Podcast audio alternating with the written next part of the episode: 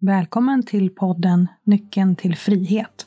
Podden som vill inspirera och guida dig till ett liv där du gör din grej på ditt sätt och känner livsglädje och djupare mening oavsett vad det här innebär för just dig.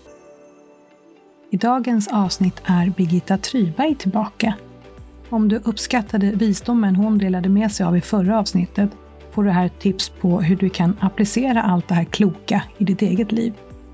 Vi pratar om hennes bok Champagne och gummistövlar som är som en guide till att leva som du lär.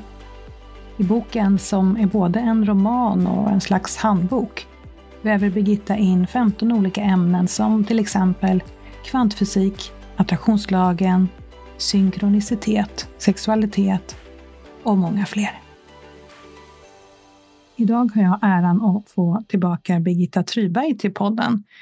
Hennes förra medverkan har gett så mycket återkopplingar att hon har verkligen spridit inspiration och kunskap och det avsnittet var så populärt.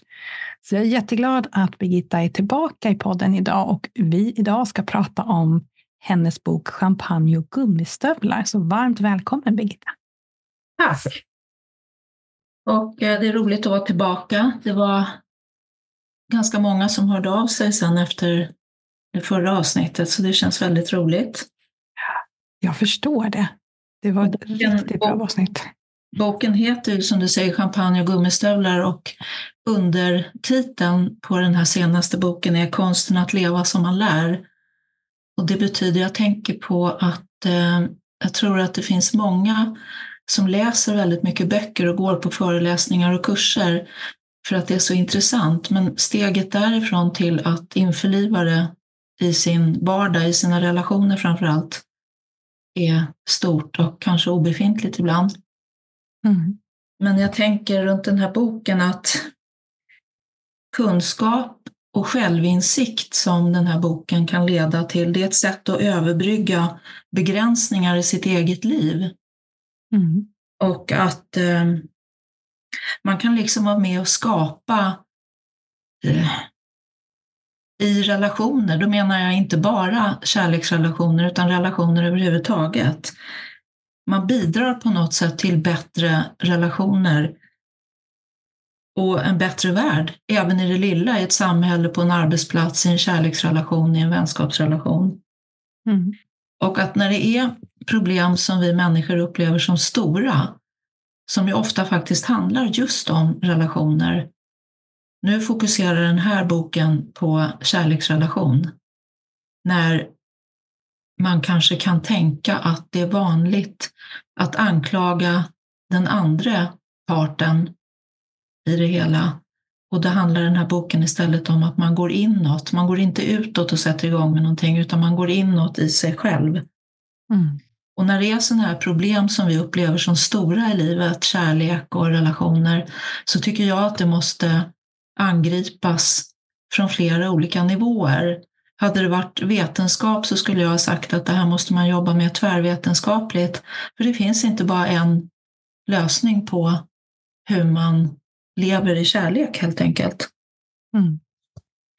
Nej, jag tycker det är jätteklokt precis det du säger, för att det förra avsnittet som när du var med, det tror jag väckte mycket nyfikenhet och det är mycket kunskap i det.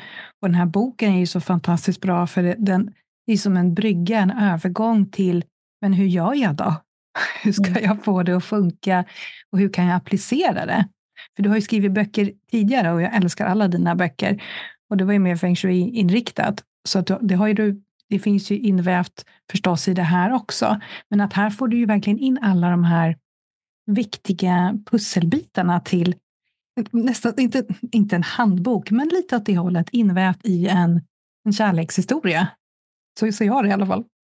Jag tycker nog att det är på sätt och vis en handbok. Ja.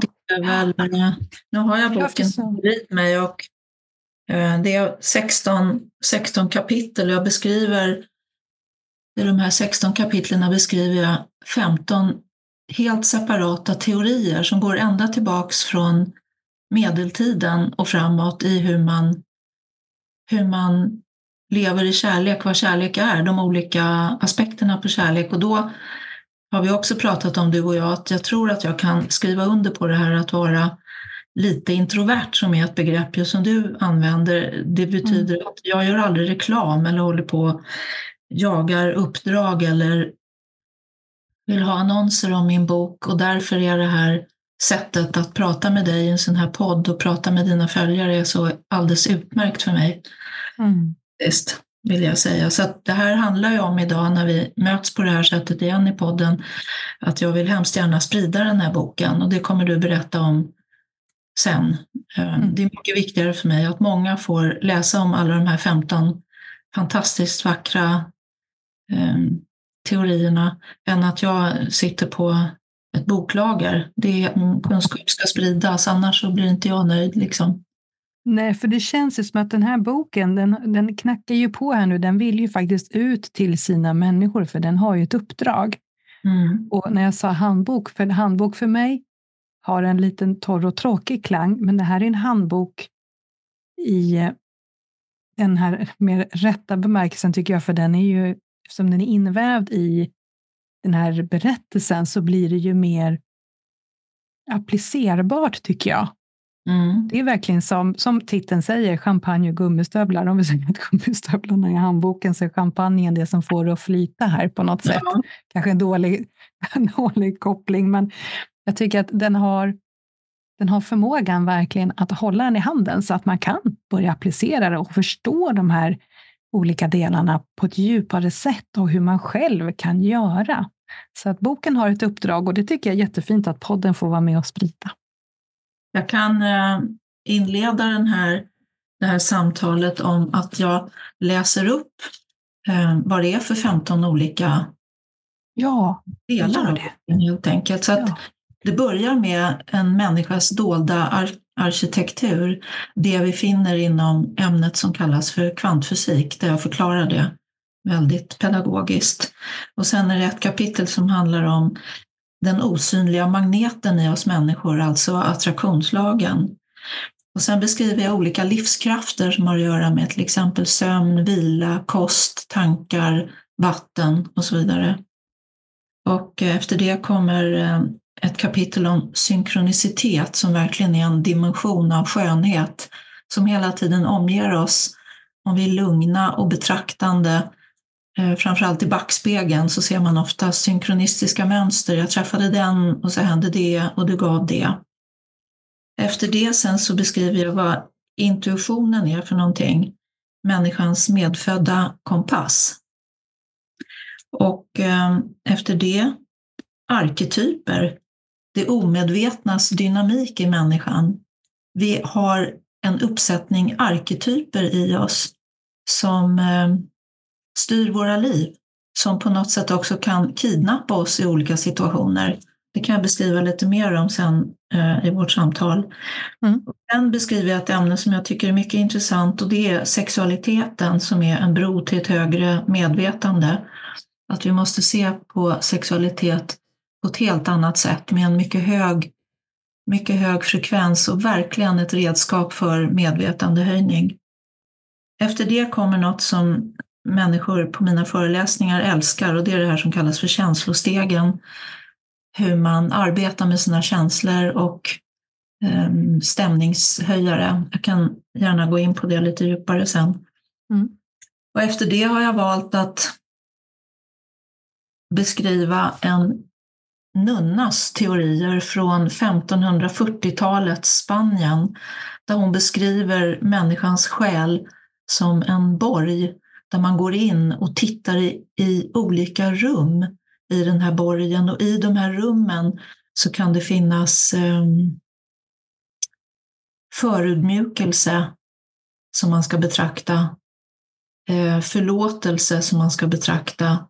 Finns det människor man har låst in i någon fängelsehåla uppe i sin inre borg, någon man vägrar att förlåta, som man på något vis släpar runt på i livet, inkapslad någonstans i själen.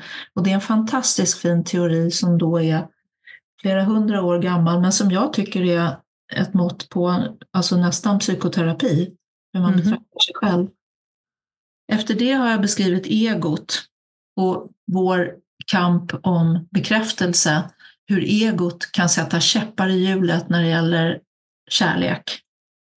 Efter det kommer en psykologisk teori som är intressant som kallas för anknytningsteorin. Att våga vara nära en annan människa, att inte efter tredje dejten lägga benen på ryggen och springa iväg för att man har svårt för närhet. Sen kommer ett ämne som jag jobbar med på halvtid och det är ju numerologi. Det här med koderna till en människas personlighet. Mm. Och sen kommer ett kapitel om förlåtelsen som är den allra största healingkraften som vi kan arbeta med.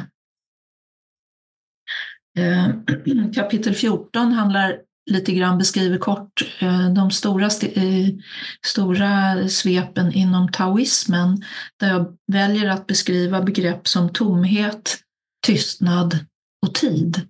Och innebörden av de tre funktionerna i livet.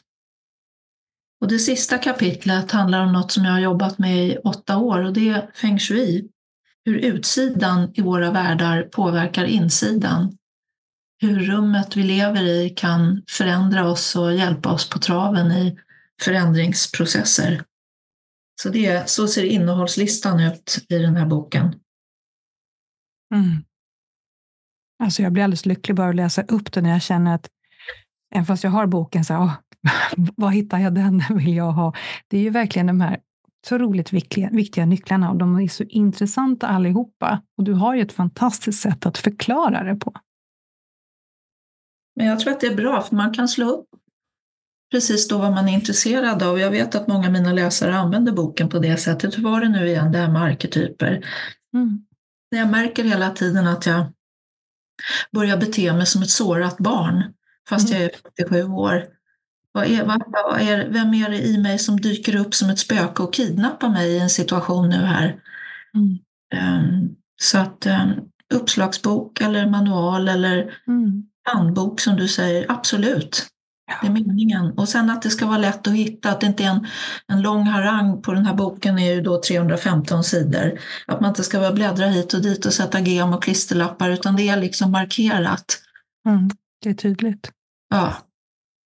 Jag tycker det är så bra kombination med ditt sätt att förklara det och sen att det vävs in i just en berättelse. Så det är som att ja, jag som läsare får ju olika djup i det. Jag får olika infallsvinklar för att förstå samma sak.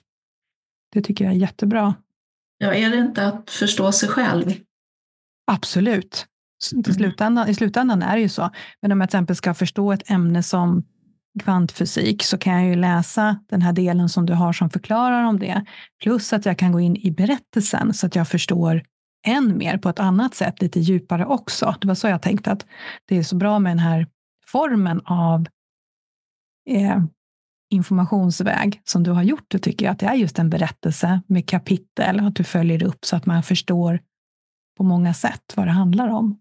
Det är därför som jag tycker underrubriken är undertiteln är viktig, det här konsten att leva som man lär. För jag visar mm. där att de här 15 ämnena som jag beskriver har jag arbetat med i många, många år. Och jag mm. försöker väva in dem och praktisera dem och därför så kan man också tänka tidigare i livet i alla fall att jag kan ha gett mig in i riskfyllda projekt, alltså gått in i smittad av attraktion i olika kärleksupplevelser för att praktisera det, för att annars har det liksom ingen bäring för mig.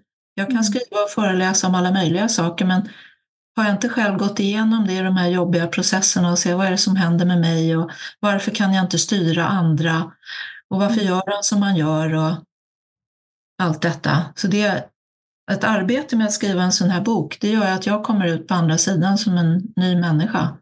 Mm. Att jag integrerar de här eh, teorierna i mitt eget liv och praktiserar dem och det är så skönt. Det var ju som jag sa här i början när vi började prata att kunskap är ett sätt att överbrygga begränsningar i sitt liv. Kunskap är alltid fantastiskt alltså. Mm. Så så fint när du förklarar det sådär. Det ger ju verkligen hopp när man är mitt uppe i någonting jobbigt. Att det faktiskt blir något fint av det när vi har lärt. När vi hittar medicinen i det hela och hittar det som blev guld. Och den här erfarenheten. För att leva sitt liv bara genom att kanske ha läst en manual och så plottra på utan att ha upplevt. Det ju, det funkar ju inte.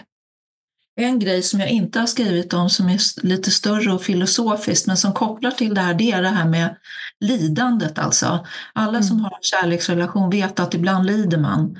Mm. Och lidandet i det här när man inte begriper den andra är någonting som vi i vårt moderna hetsiga samhälle med uppkopplingar och, och appar och swishar och allt vad det nu är för någonting, vi ger oss inte tid till det.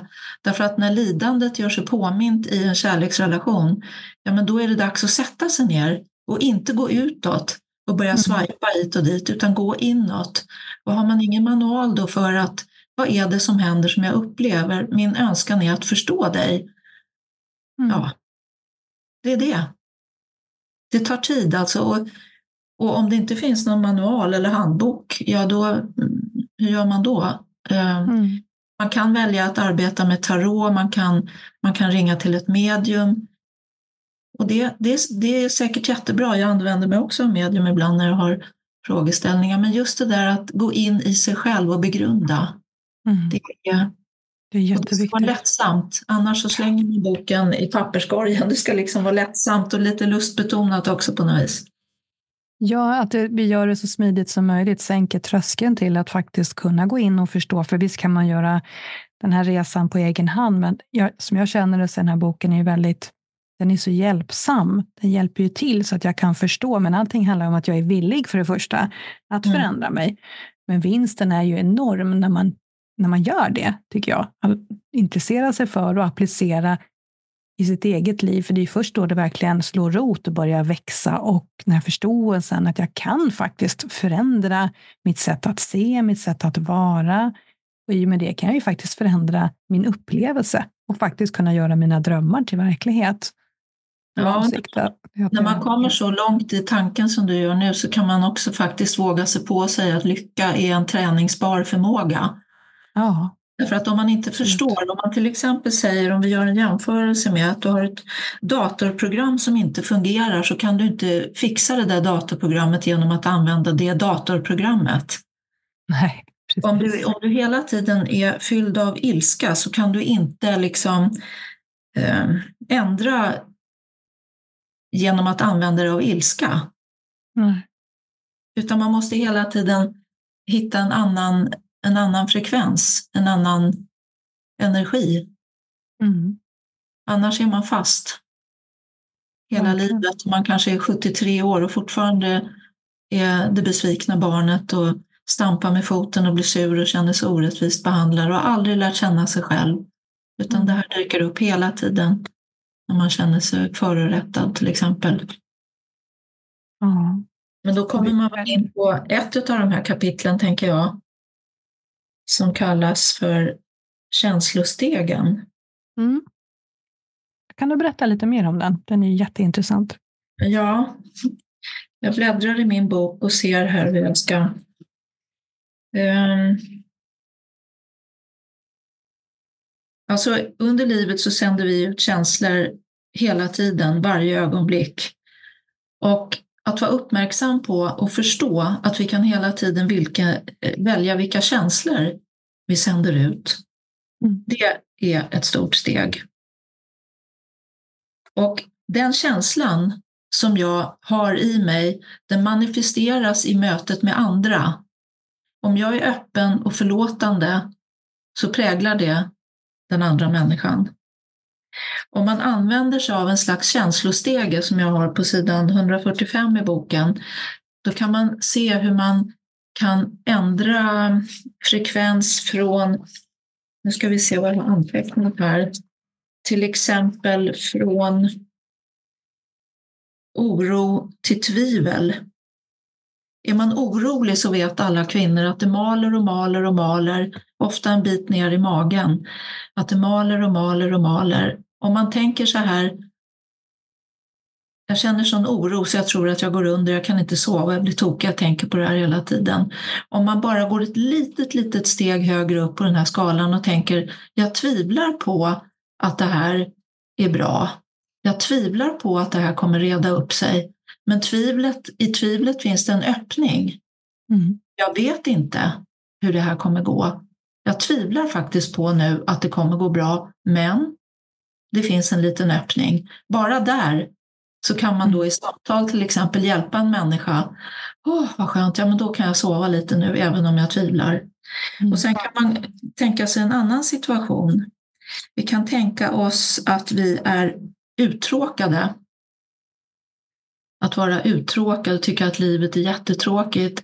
Vad är det minsta jag kan göra för att känna mig nöjd?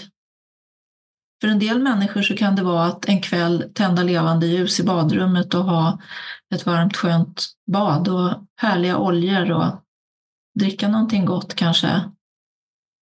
För det går inte att stå emot uttråkenheten om man, om man pysslar om sig själv. Och mm. allt det här har hela tiden att göra med att alla relationer och alla möten eh, blir mer glädjefyllda och fungerar bättre ju högre upp man är i sina känslor. Mm. Ju högre upp man kan träna sig på att känna glädje, frihet, att känna kärlek. Och om man istället hela tiden eh, befinner sig i avundsjuka, oro, ilska, så möter man det. Det är mm. en veten, alltså vetenskapliga bevis runt detta.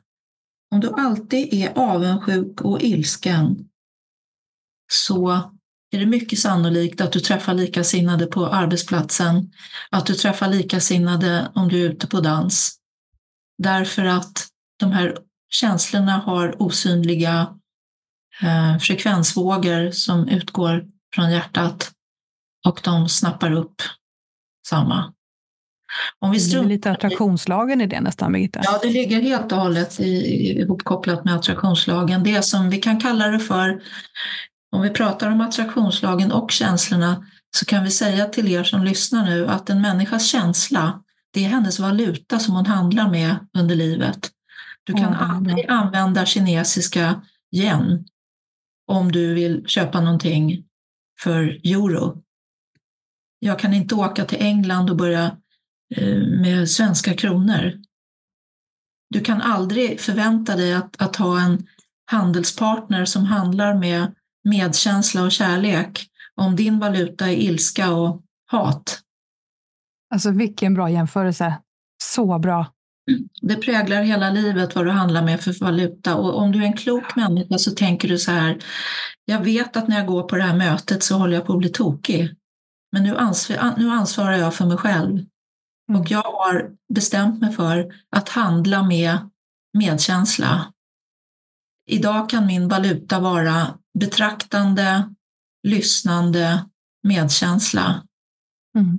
Och jag lovar dig och alla som lyssnar att den som har högst frekvens, den präglar hela mötet och hela, hela eh, relationen. Varför då?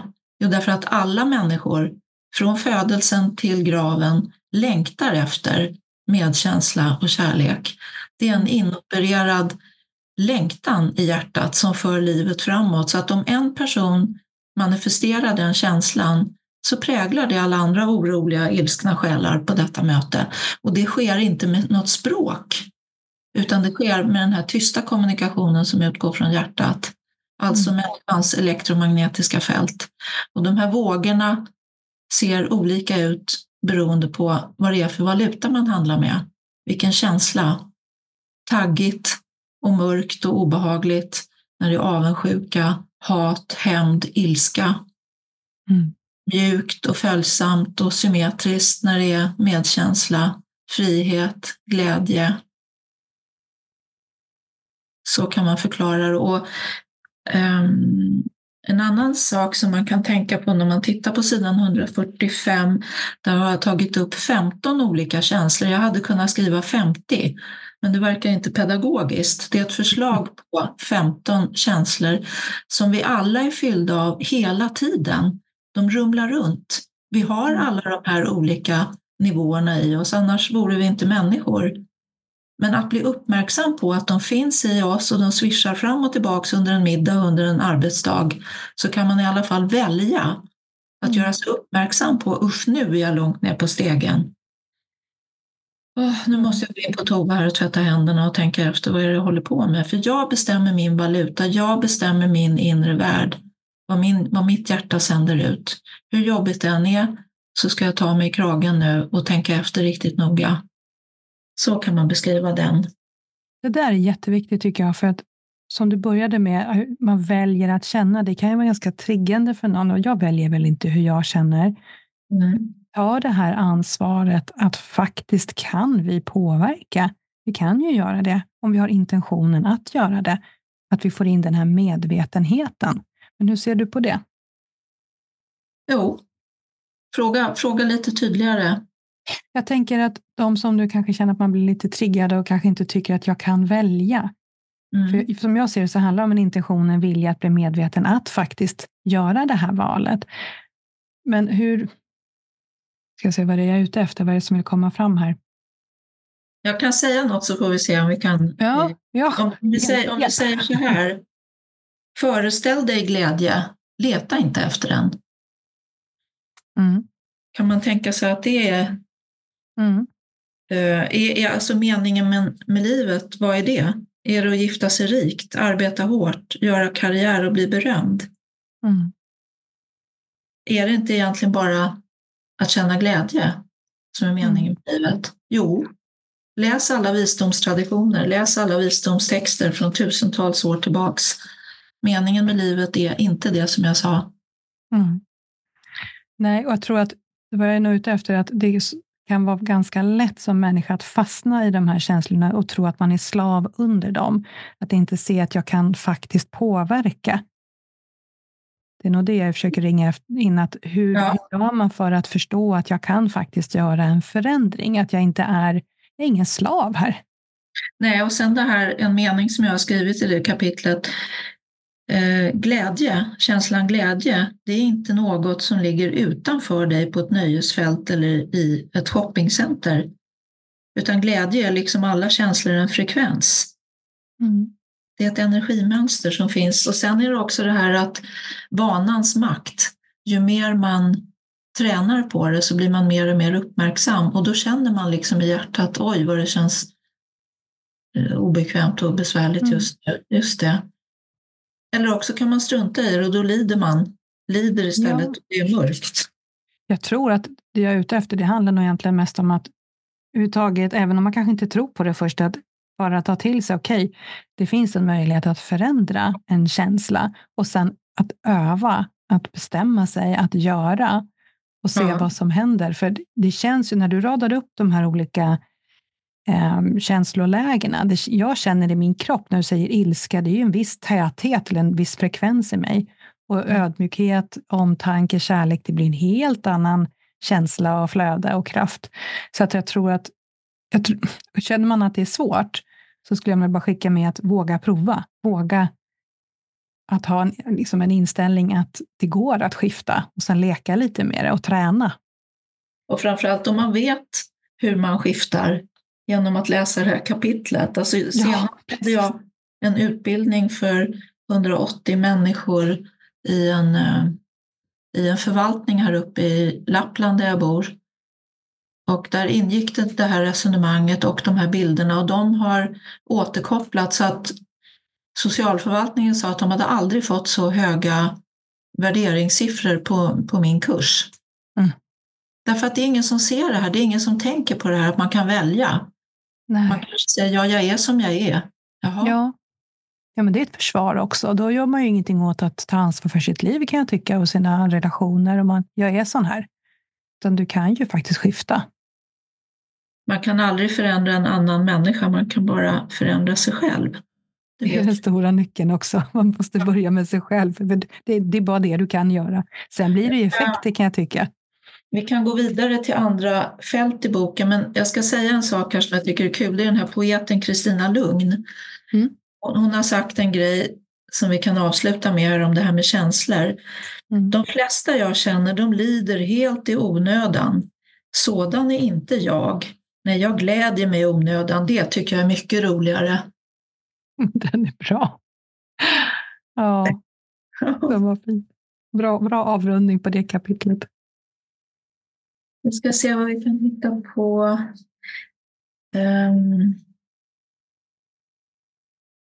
om man vill förändra sitt liv, investera i sig själv, då är det också viktigt att man avsätter tid i sitt kanske hektiska liv och praktiserar någonting utav det här då som jag föreslår.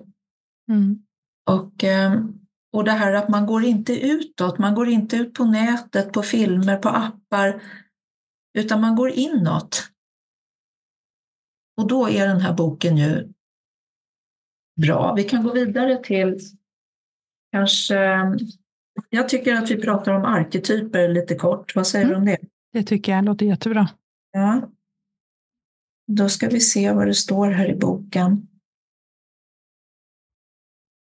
Arketyper, det omedvetnas dynamik. Och eh, jag ska titta på sammanfattningen här. Det är alltså i människan så finns det nedärvda omedvetna tolkningsmönster som dyker upp i olika situationer i livet. Ehm, de här arketyperna som vi har, de påverkar väldigt mycket hur vi umgås och samspelar med andra.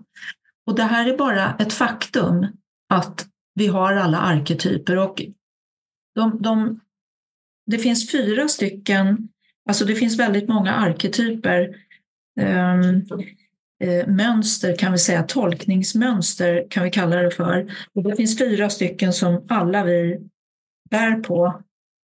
Um, och jag kan nämna till exempel ehm, barnet. Mm. Barnet kan vara ehm, ett syndrom där till exempel en människa under sitt liv gör allt för att hålla sig borta från vuxenvärlden.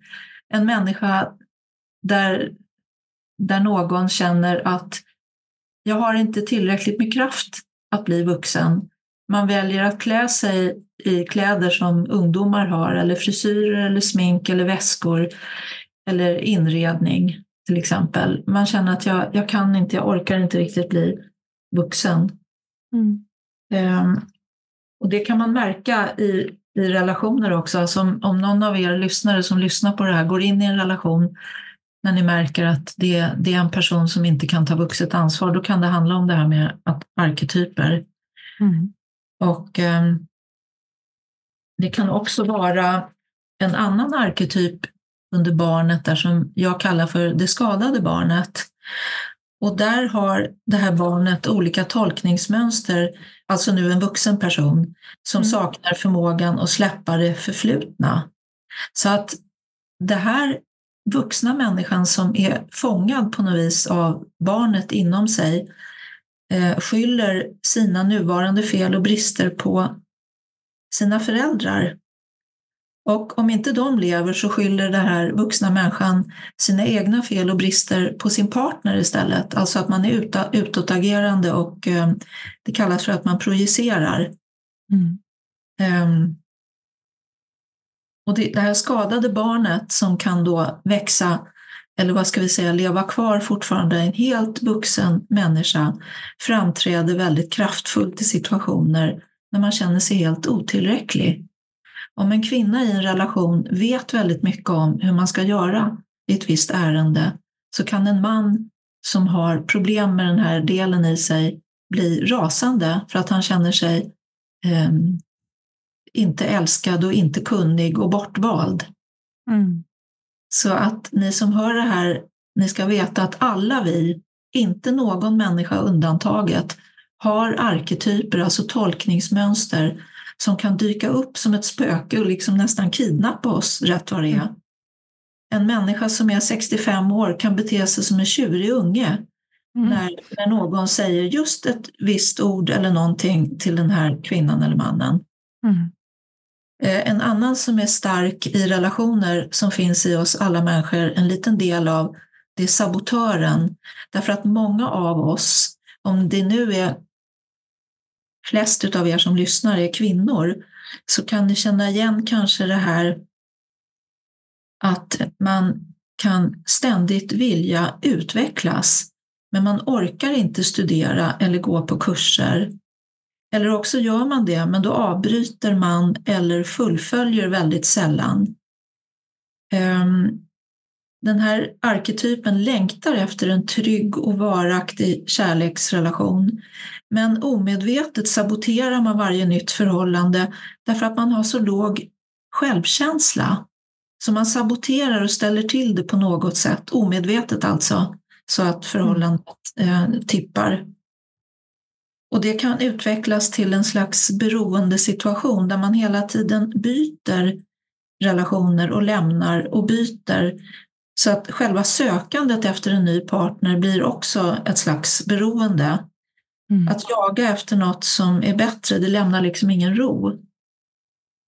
Så att om man ignorerar de här reaktionsmönstren kan vi säga, då kan man under livet som vuxen kvinna helt plötsligt känna sig som en marionettdocka.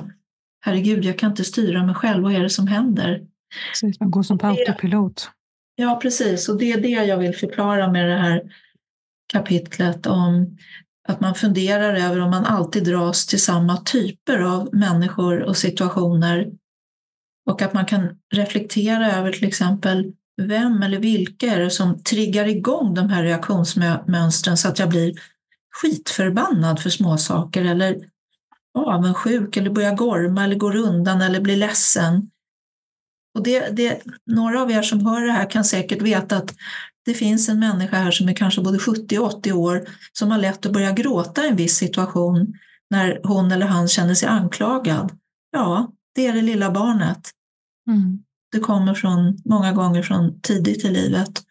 Och varför jag har tagit med det, därför att alla vi bär på de här olika mönstren som jag har tagit upp några stycken i min bok. Och det är så mm. viktigt att förstå det när man lever i en kärleksrelation. Att bakom den här mannen eller kvinnan, bakom det här ansiktet, så är det en mosaik av beståndsdelar, av minnen och uh, olika trauman, sorger, glädjen. Du ser ansiktet och du känner händerna. Men om man säger att man går in i kärlek, då betyder det jag vill, jag vill verkligen se dig precis som du är. Mm. Jag stöttar dig på din väg. Jag har inga förbehåll om hur du ska vara. Vi samspelar. Jag är som jag är, du är som du är. Vi möts på en plattform och samspelar. Och då har jag med mig hemma i lådan den här boken, Champagne och gummistövlar. Då kan man bläddra i den och se vad sjutton är det som händer. Hur ska mm. jag göra? Åh, fint du beskrev det där. För det är ju så, vi möter en annan människa och det handlar ju om den här villkorslösa kärleken, att ta varandra för dem de är och kunskap och insikter här, det är ju verkligen nyckeln. Så att vi kan behålla den här medkänslan och kärleken och hålla varandra istället för att trycka ner varandra. Ja, annars är det inte kärlek. Nej, det är annars faktiskt är det inte, inte kärlek. Och det, ja, det ska jag inte gå vidare på för då blir det en föreläsning på resten av kvällen här. Men då, då tar vi det tredje avsnittet på Birgitta.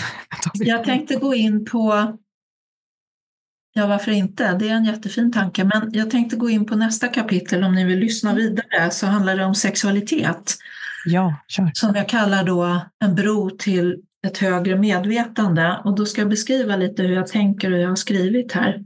Mm att sexualiteten är skapelsens allra högsta manifestation av kreativitet och en port till högre medvetande. Och varför är det den högsta manifestationen av kreativitet? Ja, naturligtvis eftersom det största miraklet av alla kan ske ur sexualiteten, alltså att det föds ett litet barn. Så varje gång jag jobbar som numerolog med uttrycket kreativitet så brukar jag nämna ibland att det också har att göra med sexualitet. Det finns ingenting annat som är så kreativt som det. Mm. Människan är en elektromagnetisk varelse. När hon förenar sig fysiskt med en annan människa förenas elektromagnetiska fält. Den sexuella uppkopplingen är ett sätt att smälta samman med människor som har samma eller överensstämmande frekvens. När två frekvenser står i samklang med den högsta kärleksenergin så blir den fysiska föreningen en bro till ett högre medvetande. Och sexualiteten som jag beskriver här är aldrig en ursäkt för att komma nära varann, att sova nära någon eller att hålla om varandra. Det, det är andra delar liksom i en samvaro. Mm. En sexuell relation kan begränsa krympa människor också när den är frihetsberövande. Mm. mm. Upptäck, upptäckten av sexualitetens högsta frekvens uppstår genom kärlek och inte genom behovet att släppa på spänningar. Sexualiteten är skapelsens högsta uttryck för kreativitet och förenar människan med sitt ursprung. Hedra din fysiska kropp och ditt unika jag. Och då har jag skrivit det här kapitlet som är några sidor om längtan och lust och hur jag tänker med den här mannen som boken handlar om. Det handlar om en man först och sen efter det handlar det om en annan man, så det är lite spännande. Mm. Men jag har ju haft eh, veckokurser också som bara handlar om sexualitet och kärlek. Och det räcker ju inte att lyssna på det i fem dagar, utan det är ju liksom livets viktigaste eh, Ja, men det är det viktigaste i livet, kärlek. Mm. Absolut. Vad säger du om det, Agneta? Ja, jag känner att det, det, det, sitter så bra i mig, allt det du pratar om, så att jag känner nästan som att ord blir, o, de blir överflödiga och de snurrar runt i min mun. Jag kan knappt prata. Det är så klockrent allt du säger. Jag tycker det är fantastiskt. Och just kärleken och hur du beskriver sexualiteten, alltihopa, det är, det är vackert. Det är jättevackert. Jag frågar, hur kom det sig att, du liksom, att den här boken blev till från första början? Jag upplevde en, en alldeles eh, bedövande attraktion till en person. och Jag kände direkt, nu ska jag komma in på intuition och synkronicitet efter den här frågan. Jag kände direkt att den här, det här mötet är så underbart och så fullkomligt livsfarligt, så hur ska det här gå? Men eftersom jag är intresserad av att utvecklas så kan jag tala om för er som lyssnar att det gör du inte hemma och bläddra i tarotkort och kristaller och pendlar och olika böcker. Nej, nej, nej, utan det är att vara ute på livets slagfält kan man säga. Mm. Det är det. Det, är, det finns ingen annan väg. Alltså i relationer, i lidande, i svårigheter, där ligger det här fina att växa som människa och gå vidare. Och med den relationen som var fantastisk, som jag beskriver väldigt vackert enligt läsare i den här boken, så har jag gått in i och praktiserat alla de här teorierna som jag skriver. Och det var ju en resa som inte var nådig, kan man säga. Mm. Men underbar. Så den är lite självupplevd, boken. Den är helt självbiografisk, men när jag föreläser om det så brukar jag försöka hålla det hemligt, för annars blir jag generad. Men... Fast nu är du ute. Ja. har vi sagt bit. ja, precis. Ja. Ska vi prata lite om synkronicitet? Det tycker jag. Mm. Ehm, vi kan beskriva synkronicitet som en serie oplanerade händelser som hjälper dig i rätt ögonblick. Ofta när ditt behov av förnyelse är som störst i livet. Att vara uppmärksam på oväntade händelser kan därför öppna ögonen för hur synkronicitet blir vägvisare till det vackra och alldeles storslagna i livet. Genom att observera de små enkla episoderna och symbolerna i livet så kommer du bli medveten om den perfekta synkroniciteten av olika nätverk som äger rum dagligen och som har med just ditt liv att göra. Ursäkta mig, jag blev hes, men den här mannen som jag beskriver mötet med, som jag kallar för Steven i boken, det börjar med att jag har varit singel en period och får en galen känsla i mig en kväll att men nu börjar det virvla här i kroppen så nu ska jag ge mig iväg ut. Och jag ger mig iväg ut och i eh, månader innan så har jag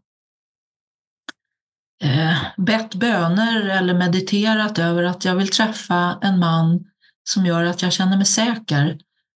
Och jag behöver inte gå in på det närmare, utan just ordet säkerhet har varit viktigt för mig. Mm.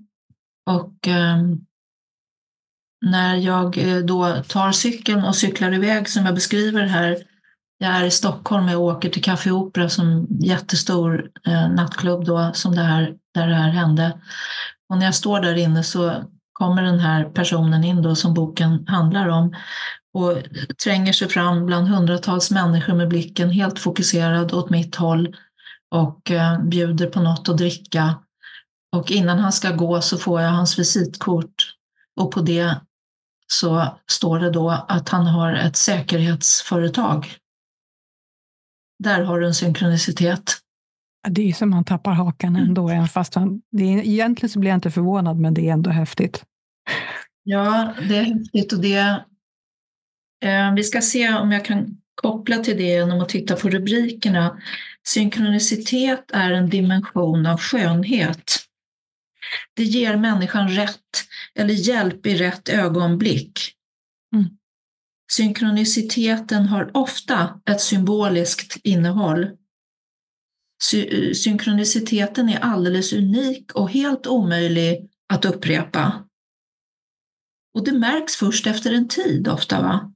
Mm. Det uppstår helt oväntat. Så att om man vill bli uppmärksam på synkroniciteten i era liv, ni som lyssnar nu, då kan ni börja att gå bakåt i livet och tänka, vad var det som gjorde att jag reste till det där landet? Vem var det jag träffade? På vilket sätt kom det sig att jag valde den där utbildningen? Vem var det jag mötte som intresserade mig för det? Alltså det är hela tiden dolda budbärare som dyker upp. Mm. Som dyker upp och det är alltid så litet och så finstämt på något vis så man fattar inte förrän efteråt, va? synkroniciteten. Det sker ofta i övergångsperioder. Man längtar efter förnyelse och man känner att det här livet jag lever, det känns inte meningsfullt längre. En serie oplanerade händelser hjälper dig i rätt ögonblick när ditt behov av förnyelse är som störst. En gång i livet så blev jag, det var länge sedan nu, det var 20 år sedan, så blev jag lämnad av en man som betydde oerhört mycket för mig. Efter ett år efter det här, jag beskriver det någonstans i boken tror jag, och det gör jag nog, då tog jag och åkte iväg till en enslig fjällkant uppe i, i norra Norrland. Och på det datumet och på det klockslaget så skulle jag göra en, en ritual och tacka för att året hade gått och tacka för att jag hade gått igenom sorgeprocessen och tacka för att jag var alldeles öppen för det nya som skulle komma till mig i livet. Jag hade min husbil jag hade tagit med mig min cykel. Jag hakade av cykeln och cyklade rakt ut i fjällvärlden. För jag ville vara långt bort när jag hade den här ritualen. Jag skulle elda lite och göra lite saker. Men rätt vad det är, när jag har cyklat tio minuter ut i fjällvärlden så går det inte längre för att där kommer en så stor flod så det går inte att ta sig över där. Mm. Så jag mhm. stannar cykeln och sätter mig på en tuva och där är det någon som har lagt ett kors med vita stenar, precis som man ser ett begravningskors. Mm. Och då tänkte jag, men det var ju en väldigt fin symbol för jag är här för att avsluta. Det var bra. Ja. Och sen cyklade jag tillbaks till husbilen som stod på en öd, ödslig väg uppe i fjällen. Och jag eh, tog och kokade lite kaffe in i husbilen och gick ut och satte mig vid ett bord. Då kommer det en bil åkandes i detta otillgängliga område. Ur bilen kliver det en brud i brudklänning och en, en kar i svart kostym. Och de går och öppnar bagageluckan och börjar sätta på sig regnkläder och traska iväg. Och sen efter ett tag så kom det en präst i en annan bil. Alltså snacka om avslut och nystart. Ja, oh, verkligen. Ibland det blir det väldigt tydligt. Det är väldigt tydligt och det betyder att man ska vara vaksam på signaler. Alla ni som ja. lyssnar på det här, signaler. Vad var det för något som trillade ut där? Vad sa den? Vad stod det för någonting där på den där boken? Mm. Det är liksom det ger hjälp i rätt ögonblick. Mm. Det medvetande gör ditt undermedvetna behov just i den situationen. Så, ja, precis, så att man håller sig vaken och håller sig medveten i sitt eget liv, att göra medvetna val och inte bara plottra på på den här autopiloten, utan att ta hjälp av det som faktiskt finns då runt omkring. Tiden och avståndet är ett förstoringsglas. Jag ska säga det en gång till, därför att om ni tittar bakåt nu och tänker bakåt över alla de här mötena som ni har haft i ert liv, så ska ni se att tiden som har gått och avståndet till det som har hänt kommer bli som ett förstoringsglas. Om ni har haft en relation, ett äktenskap eller något som ni har behövt lämna och det har gått 10, 15, kanske 20 år, så ska ni se, rätt vad det dyker upp något. Jaha, tänker ni, nu förstår jag. Och allt det här som jag berättar om i den här boken, Perfekta, kan begränsas av stress. Mm. Stressen förblindar och stressen um, jag ska inte gå in på precis vad som händer i hjärnan, men om vi säger att stillhet och lugn och ro öppnar för allt detta som jag beskriver och motsatsen, stress och brådska, gör att du missar alla de här signalerna som livet vill visa dig. Det är viktigt att tänka på här. Mm, den var bra. Precis, precis så är det. Det går inte heller att berätta för någon annan människa. Nu berättade jag för att jag är en ganska van berättare, så ni hörde lite vad jag berättade här om det stod säkerhet där på den där killens kort och sen berättade jag om den här andra lilla ritualen jag gjorde. Men i allmänhet så går det aldrig att upprepa eller berätta för någon varför det var så fantastiskt, för att det är helt personligt de här händelserna som mm. blir. Och kan du tänka dig att just precis när, när jag tappade kassen så kom det fram en, en kille och hjälpte mig. Alltså, ni vet allt det här som är... Mm. Det är redan... lika lätt att förstå för andra om man inte är mitt uppe i det och har alla Nej nycklar som man har själv till det hela? Jag är ganska övertygad om att varje människas liv har en, en regi som, är, som har ett mönster från början. Um, man är inte på jorden och har blivit född av någon slags slumpmässig historia utan man har en uppgift och den uppgiften är alltid att utvecklas, att komma mm. högre, att komma längre för då hjälper man sina medmänniskor och man hjälper utvecklingen på jorden. Mm. Så de här Absolut. 15 kapitlen med hur man kan tänka i kärleksrelationer kan vara en väg i det. En slags vägvisare. Mm. Jättebra sammanfattat. Det, jag håller med dig fullt ut. Att jag tror att vi kommer in i livet med, om vi bara plottrar på så blir det på ett sätt, men vi har förmågan som människor, vi har fria viljan, vi kan välja. Och genom insikt, kunskap och övning och gärna då med hjälp av den här fantastiska boken så kan man ju faktiskt navigera livet på ett helt annat sätt och mer och mer faktiskt göra det som vi menade att göra här i livet och uppleva det vi ska uppleva. Och det är alltid, om ni nu väljer att läsa, ni vet i världen, i vår värld så finns det några visdomstraditioner va? Och där har vi då, om vi ska nämna några så har vi Tao Te Ching, taoismens stora verk. Vi har Bhagavad Gita som är eh, hinduismens stora verk. Mm. Vi har Bibeln som är kristendomens och vi har Gamla testamentet som är judendomens och sen så har vi Koranen. Det är ju sådana här visdomsskrifter.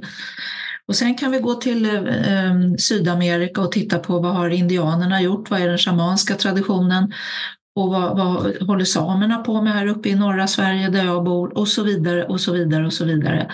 Det är hela tiden stillhet och gå inåt. Mm. För att livet blir helt mirakulöst och vackert och skimrande om man bara kan stilla sig lite grann. Så mm. alla ni som känner att ni stressar för mycket, tänk på att grundplåten i den här grejen, själva plattformen, det är ögonblick av lugn. Om man inte kan ha lugn och eh, vilsam vardag hela tiden så måste man ge sig stunder av vila och insikt. Och så här, de här baden, de här långa sköna duscharna eller skogs, skogspromenaden. Och, annars går allting förbi. Ja, och då har man missat meningen med livet. Vad är meningen med livet? Nej, men det är inte att göra karriär. Utan det är glädje, det är glädje och kärlek. Att uppleva livet. Ja. Och just konsten att leva som man lär, att verkligen med betoning på leva, tycker jag. Konsten att leva. Ja. Den är viktig. Det har varit så härligt att du har berättat så mycket om boken och de här olika delarna. Så eh, tack igen för att du har gästat podden och nosade ju före på öppnar upp för nummer tre. Så man får se om jag har förmånen att få ha dig i podden igen, Birgitta. Det vore jätteroligt. Ja, vi kan ha kontakt så får vi se någon av mina kurser. Om det önskemål av er som lyssnar så kanske man kan Ja, absolut. Så från hjärtat, tack. Det var ett jättehärligt och fint avsnitt. Mm. Tack för det Agneta och tack till er som har lyssnat. Ja, tack och varmt lycka till på era egna resor att leva som ni lär, att verkligen leva. Så tack för idag. Känner du också att den här boken är något för dig? Under hela 2024 har du möjlighet att köpa den av Birgitta för bara 200 kronor inklusive frakt, vilket blir ungefär 160 kronor för boken. Och det är mindre än hälften än vad den annars skulle kosta. Maila namn och adress till Birgitta för att få hem ditt eget exemplar. Hennes mejladress är info at goodliving.se, alltså info at goodliving.se.